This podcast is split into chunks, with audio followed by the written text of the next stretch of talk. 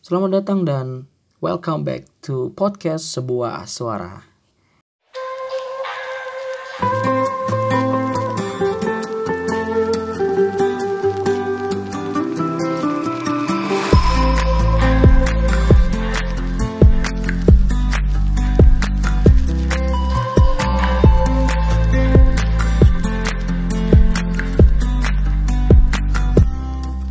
Pagi, selamat siang, selamat sore, selamat malam, dan selamat malam bermalam minggu buat lo yang lagi malam minggu. Cia asik malam minggu.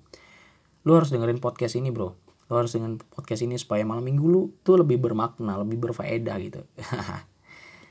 Jadi rekaman pada malam ini, gue rekaman di malam hari sih, malam jam berapa? Jam setengah 12 Gue belum tidur jam segini di tanggal 10 Januari 2020 ya di awal tahun gitu ya masuk tahun baru. Masuk di tahun yang baru. Ya semoga uh, harapan kita uh, kita menjadi di tahun yang baru bisa menjadi lebih yang baik lebih baik lagi bisa menghasilkan sesuatu yang lebih bermanfaat lagi bermakna lagi. Ya begitulah. Menjadi pribadi yang lebih baik lagi lah pada intinya. Oke? Okay? jadi di rekaman pada episode kali ini gue pengen ngebahas dua pembahasan nih karena gue dapat pembahasan ini karena sebuah pertanyaan dari beberapa teman gue. Jadi sebelum kita masuk ke pembahasan, sih? Sebelum kita masuk ke pembahasan, gue pengen ngasih tahu kenapa gue ke podcast dan kenapa nama podcastnya adalah sebuah suara. Sebenarnya ini sudah gue bahas sih di uh, episode sebelumnya, episode pertama-tama itu, episode pertama kemarin udah gue bahas kenapa gue pod, uh, milih podcast dan kenapa namanya sebuah suara. Tapi nggak apa-apa ya, supaya lu pasti baru dengar juga. Dan gue baru baru terjun di podcast gitu nggak apa-apa. Jadi gue nge-review sedikit lah. Kenapa gue masuk di podcast? Kenapa gue masuk milih di podcast? Karena ketika gue ngepost di video di Instagram kayak itu karena durasinya tuh terbatas gitu. Satu menit doang. Bisa sih lebih dari satu menit kan ya. Tapi masuk IGTV gitu. Tau gak sih? Ya nggak? Yang main Instagram tau lah ya. Gitulah ketika lu ngepost video lebih dari satu menit pasti masuknya di IGTV dan kalau kalaupun itu di postingan lu itu kayak satu menit doang gitu. Jadi pembahasan yang gua bahas di video itu kayak general aja kayak umumnya aja garis besarnya aja. Nah gue milih podcast supaya uh, menurut gue kayaknya lebih mudah aja. Gue tinggal taruh hp gue uh, mic mic clip mikrofon dan gue uh, record uh, edit sebentar langsung post gitu. Dan pembahasannya juga bisa lebih detail gitu daripada video di Instagram gitu. Gue tetap ngepost di Instagram, gue tetap ngepost di Instagram, tapi juga gue ngepost di podcast sebagai penjelasan detailnya gitu. Supaya lebih gampang aja, lebih asik aja ya. Kenapa juga namanya adalah sebuah suara? Karena kita tahu bahwa uh, podcast ini kan formatnya suara gitu ya. Formatnya suara. Nah, uh, yang gue pengen adalah semoga uh, suara yang gue keluarin, ocehan-ocehan, suara-suara ocehan gue, suara-suara uh, pendapat gua opini gua uh, ilmu kesotahuan gua gitu itu bermanfaat lah buat gua buat lu dan buat kita semua. Suaraku suara lu suara kita semua. Untukku untuk lu untuk kita semua. Asik tagline-nya. Ya catat aja. Tagline-nya asik banget itu. Ya begitulah. Nah jadi sebelum masuk uh, sebelum masuk lagi nih banyak banget ya sebelum masuk ke pembahasan sebelum masuk sebelum kita bahas nih apa yang pengen gue bahas di episode kali ini jadi gue dapat pembahasan ini sebenarnya dari uh, apa ya dari apa gue bikin apa IG story gue bikin IG story kayak ada gue tampilin kayak box question gitu kayak lu boleh nanya apa aja ke gue pas itu.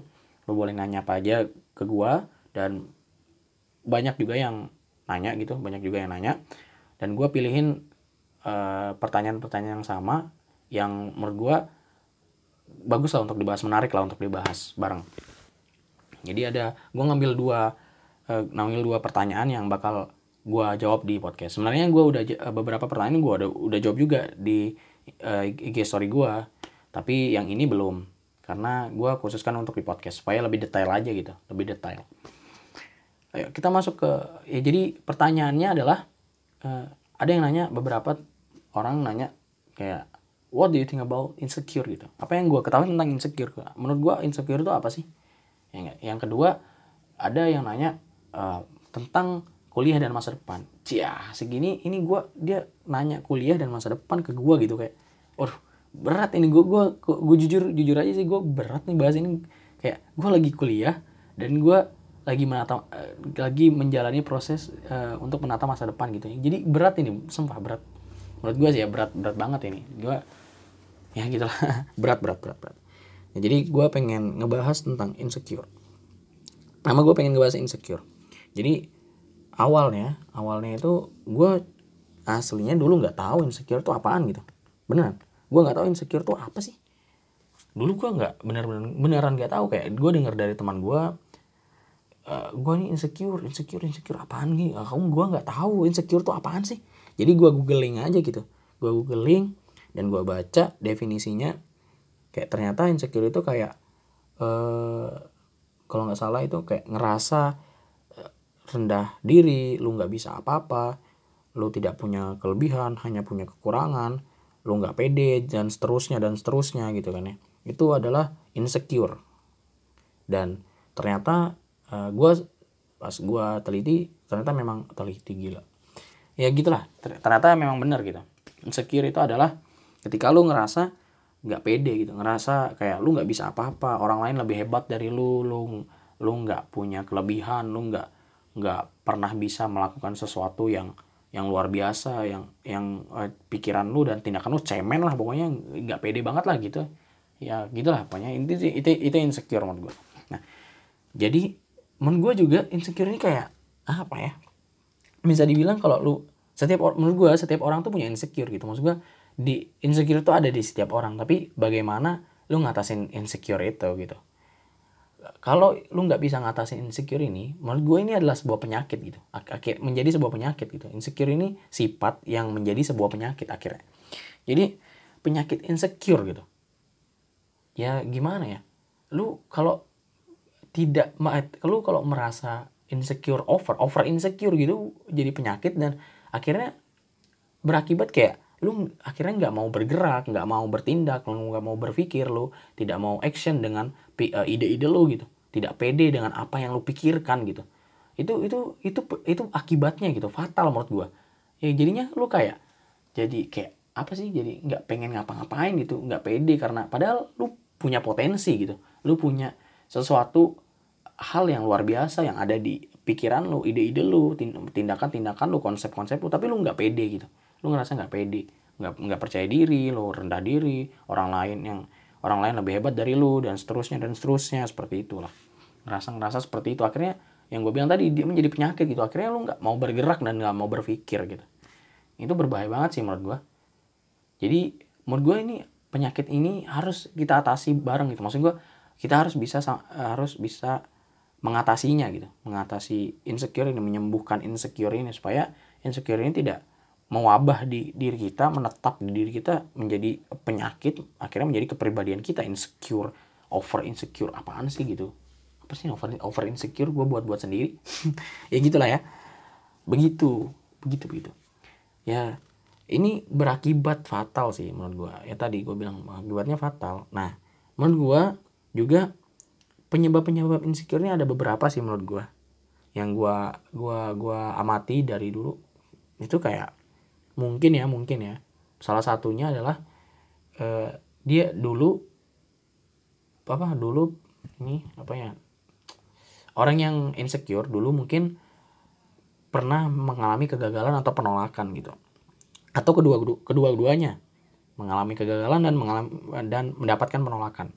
Nah itu menurut gue tergantung orang sih bagaimana lu bisa bangkit tentang hal itu gitu. Maksudnya gue ketika lu gagal lu harus bangkit. Ketika lu tolak ditolak lu harus harus bangkit juga gitu. Iya sih? Ya ketika lu nggak mau bangkit berarti ya lu insecure gitu. Kayak merasa aduh gue gagal nih gue nggak bisa ngapa-ngapain nih dah wah gue ditolak nih ide gue ditolak. Kayaknya gue tidak tidak tidak berkompeten gitu. Ya itu itu itu menimbulkan awal-awal bibit-bibit insecure gitu. Akhirnya kalau lu nggak ngatasin ini ya yang gue bilang tadi gitu. Itu sih menurut gue penyebabnya itu salah satu penyebabnya itu adalah itu kegagal terjadinya kegagalan dan mendapatkan penolakan. Dan yang kedua adalah yang tadi gitu. Nggak punya rasa percaya diri bukan nggak punya sih ya. Lebih kurang percaya diri dan punya rasa kecemasan tinggi gitu. Kecemasan sosial yang tinggi. Yang gue bilang tadi lagi-lagi yang gue bilang tadi kayak kayak lu nggak bisa apa-apa orang lain lebih hebat dari lu lebih wah lebih tingkatannya lebih tinggi dari lu lu rendah banget lu nggak bisa apa-apa ngapa-ngapain itu itu itu pikiran-pikiran yang salah sih menurut gue itu penyebab penyebab bibit-bibit daripada penyakit insecure ini gitu. Kalau nggak percaya diri dan kecemasan sosial yang terlalu tinggi gitu menurut gue sih itu. Dua dua hal pen, dua penyebab itu sih menurut gue yang kayak awal mula dari lu menjadi insecure gitu. Insecure ini menjadi penyakit di tubuh lu di diri lu di diri lu gitu. Itu sih. Nah juga itu kan penyebabnya ya menurut gue salah eh, beberapa cara solusinya mengatasi atau menyembuhkan insecure ini itu adalah lu harus selalu berpikir positif. Yang tadinya lu kayak tadi uh, kegagalan lu langsung netting oh gue nggak bisa gitu. Lu harus berpikir positif bro. Lu harus ber, berpikir positif gitu. Kayak ketika lu gagal kayak wah ini kayaknya gue harus kurang ide gue masih kurang bagus. Gue harus bagusin lagi gitu. Gitu. Kayaknya gerakan gue masih kurang kurang baik gue harus baikin lagi. Oh gitu. Atau enggak lu dapat pujian ya baik. Tapi itu menjadi sebuah sebuah uh, sebuah apa ya sebuah motivasi juga. Oh gue harus lebih baik lagi gitu. Lu harus berpikir positif lah. Lu selalu bisa berpikir berusaha berpikir positif tentang segala hal yang menyangkut lo gitu. Supaya lu tidak insecure gitu. Supaya lu tidak menimbulkan bibit-bibit insecure gitu. Ya, bukan lu kepedean ya bukan lu oh, wow bisa wah, som akhirnya sombong. Enggak bukan. Beda beda lu harus bisa berpikir positif gitu hanya berpikir positif ketika lu gagal, ketika lu dapat penolakan, apa dan segala hal dan seterusnya dan seterusnya lu harus bisa berpikir positif tentang segala hal yang lu, lu alami gitu. Dan yang kedua, menurut gue solusinya adalah lu harus fokus. Fokus dengan apa yang lu tuju, fokus dengan uh, mimpi lu, fokus dengan ya hal-hal yang menurut lu penting lah. Apa yang harus lu lakuin itu lu harus fokus. Nggak, lu nggak perlu dengerin ocehan-ocehan yang nggak penting dari orang lain, orang lain gitu. Ya lu nggak usah dengar tapi nggak usah terlalu peduli lah menurut gua. Nggak usah terlalu peduli karena itu tidak membantu lu. Tidak membantu lu untuk untuk berkembang tidak membantu lu untuk bergerak tidak membantu lu untuk menyelesaikan masalah itu tidak membantu sama sekali. Jadi lu ya lu harus fokus gitu. Lu, lu harus uh, men, bersikap bodoh amat terhadap hal itu gitu bersikap bodoh amat terhadap hal itu.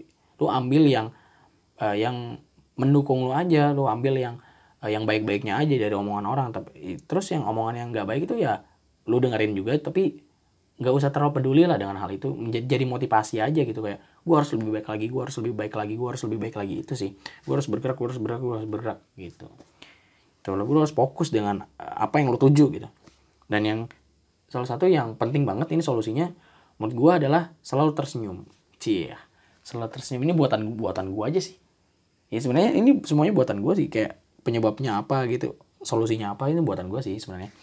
Menurut gue selalu tersenyum itu apa ya?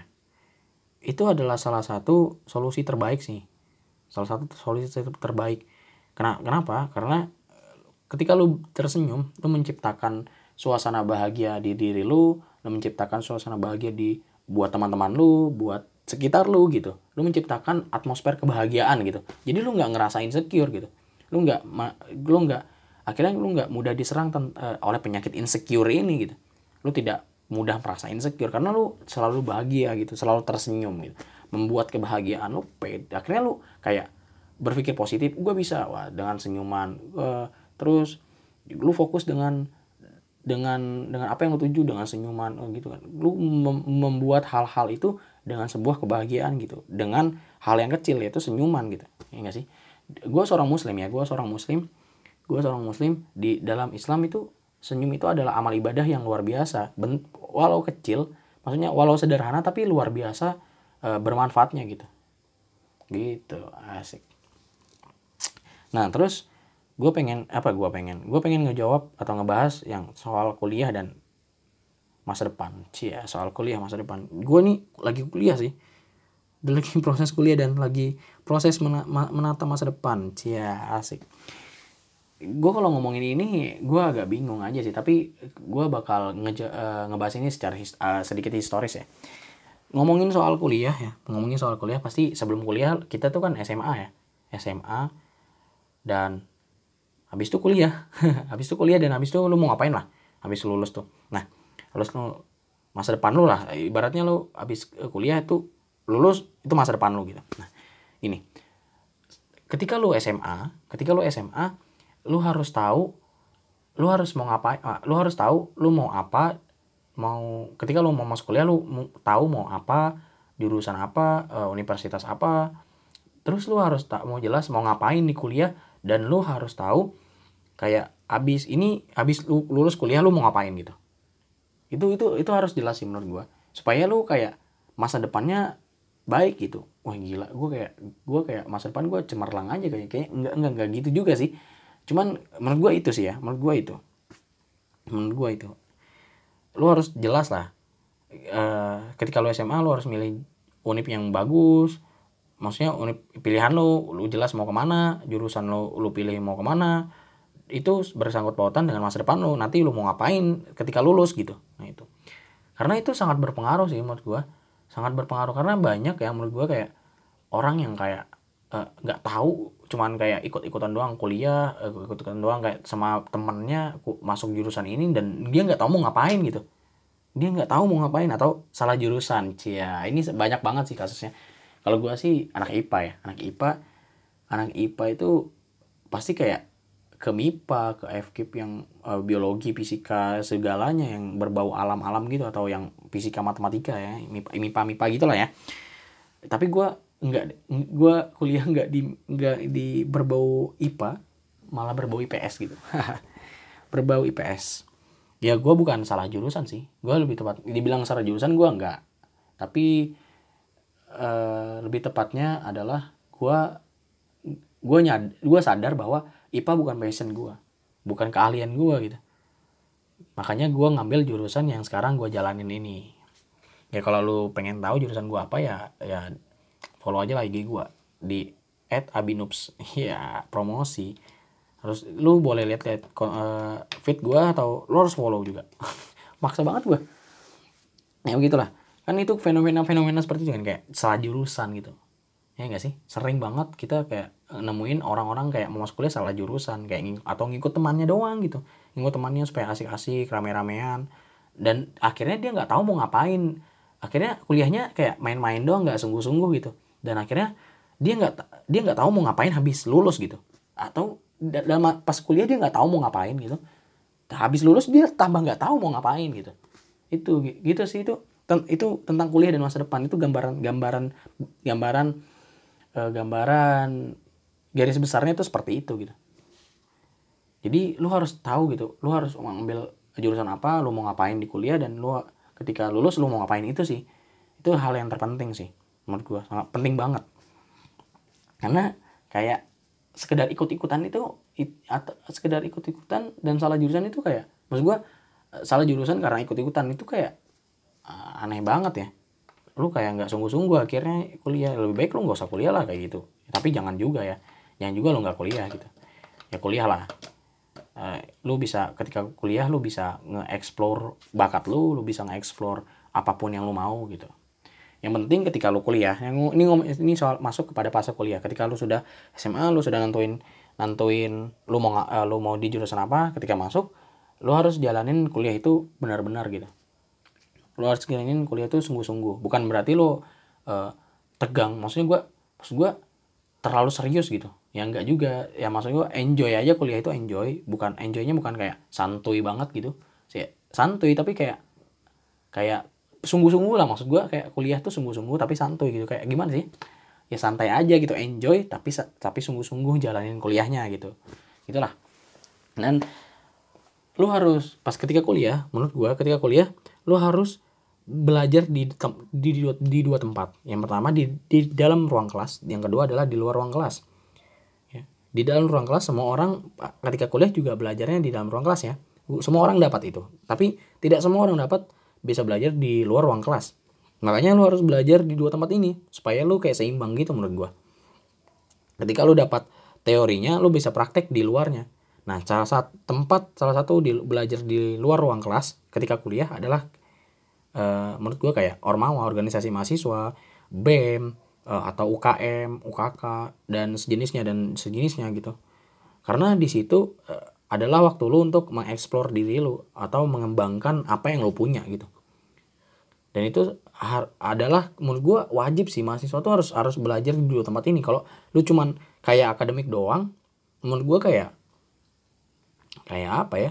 Kayak kurang aja gitu kayak percuma menurut gue percuma aja kuliah gitu. Kalau lu kayak belajar doang menurut gue ya belajar doang di dalam kuliah eh, di dalam kuliah di dalam ruang kuliah di kelas itu doang gitu. Masalahnya eh, masalahnya. Menurut eh, setahu gue ketika lu lulus ketika lu lulus itu adalah ijazah itu eh, nilai itu kan penting ya ketika lu lulus. Dan bentuknya adalah ijazah. Ijazah itu akan adalah pintu kunci untuk membuka pintu pertama ketika lu mau apply ke sebuah perusahaan mau apply ke sebuah uh, di mana tempat lu pengen kerja gitu. Akhirnya uh, itu cuman cuman sebatas itu berhenti di meja interview gitu. Itu berhenti di meja interview sisanya adalah sisanya adalah skill lo gitu. Sisanya adalah kemampuan lo sisanya adalah track record lo da dari apa yang pernah lo lakuin gitu. Apa yang pernah lo hasilkan apa yang pernah lo kontribusikan. Nah hal itu itu adalah di ruang di luar ruang kuliah di lu, di luar ruang kelas. Di UKM, di BEM, di UKK dan dan lain sebagainya gitu. Di situlah. Karena ketika lu nggak seimbang atau berat sebelah gitu ya, itu kayak apa ya kayak kurang gitu. Nggak seimbang aja gitu. Karena apa yang gue bilang tadi ketika lu lulus uh, ijazah itu adalah hal yang penting nilai itu adalah hal yang penting. Ilmu secara teo teoritis teori adalah hal yang penting. Tapi itu nilai itu dalam ijazah hanya berhenti ketika lu diterima dipanggil interview dia hanya berhenti untuk memanggil lu interview aja berhenti di meja interview. Tapi sisanya pas lu interview itu kayak menurut gue ya kayak sepertinya itu tidak eh, nilai itu tidak tidak ditanyakan lebih lanjut. Lu kayak bakal ditanyain lu bisa apa lu pernah ngapain track record tuh apa lu pernah kontribusi apa lu pernah ngapain gitu. Itu, itu sih menurut gue makanya lu harus belajar di dua tempat ini supaya lo bisa mengembangkan pikiran lo dan lo bisa mengembangkan skill lo gitu. Gitu sih menurut gue akhirnya lo tahu uh, apa yang lo harus lakuin. Yang gue bilang tadi ketika lo SMA lo harus tahu jurusan lo apa yang lo pilih yang pengen lo pilih. Ketika lo kuliah lo tahu mau ngapain lo jalaninnya sungguh-sungguh belajar di dua tempat ini di dalam dan di luar ruang kelas. Ketika lo lulus maka lo tahu juga mau ngapain gitu. Lo mau kerja lo mau lanjut S2 lu mau ngapain lah. Lu tahu lah gitu. Ya lu tahu jelas lah tujuan lu mau ngapain gitu. Itulah ya. Mungkin uh, mbak gue random banget bahasanya kayaknya. Kayak nggak jelas banget penjelasannya tapi nggak apa-apa lah ya. Semoga lu paham paham aja sih ya begitulah. Ya tentang insecure tentang uh, kuliah dan masa depan itu ya seperti itulah menurut gua ya menurut gua. Semoga sesuatu uh, apa yang gue bahas ini adalah sesuatu hal yang bermanfaat. Semoga lu paham semoga lu paham dengan penjelasan yang random dari gue penjelasan yang kurang jelas. Ya nanti lagu lu dengerin lagi lah dengerin berulang-ulang. Atau lu kalau nggak ngerti bisa DM gue di @abinoops dan bisa email gue juga di IG gue ada di emailnya gue lupa sumpah gue lupa emailnya. Nama email gue apa gue lupa. Tapi bisa lah lu email atau DM gua lu bisa follow gua. Kurang lebihnya mohon maaf. Sampai ketemu di episode selanjutnya. Jadi suara untukku untukmu dan untuk kita semua. Bye bye